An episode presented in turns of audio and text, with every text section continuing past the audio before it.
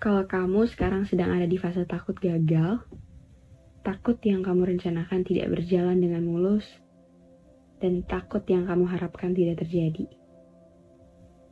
Aku cuma mau bilang, kalau perjalanan hidup itu bukan hanya tentang keberhasilan. Hidup bukan hanya tentang kesempurnaan. Gak harus selalu berhasil. Gagal sesekali juga tidak apa-apa. Bahkan gagal berkali-kali pun tidak masalah. It's not the end of the life. Kamu tetap hidup kok meski gagal kamu tetap punya kesempatan untuk bangkit dan menemukan makna kegagalanmu untuk terus melangkah. Gagal sekali bukan berarti gagal selamanya.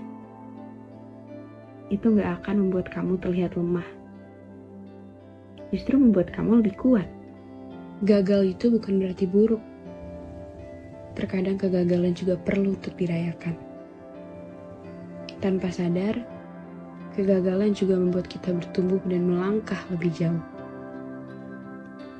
Justru dengan kegagalan, membuat kita akan menemukan kebahagiaan yang jauh lebih indah di depan sana.